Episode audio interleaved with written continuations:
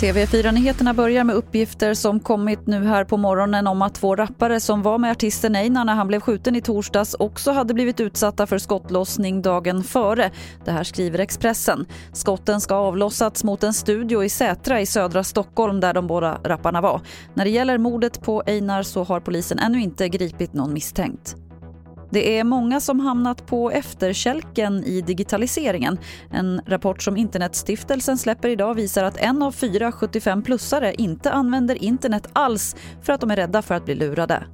Oron finns absolut bland alla åldrar men det syns väldigt tydligt att det är de äldsta internetanvändare, pensionärerna framför allt, som är oroliga och som känner stor oro för just hackers, för bluffar, för att bli lurade på pengar, för att deras personuppgifter ska komma på drift.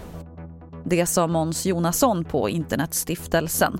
Och vi avslutar i rymden för i början av nästa år ska ett steg mot att sätta människor på månen igen tas enligt NASA.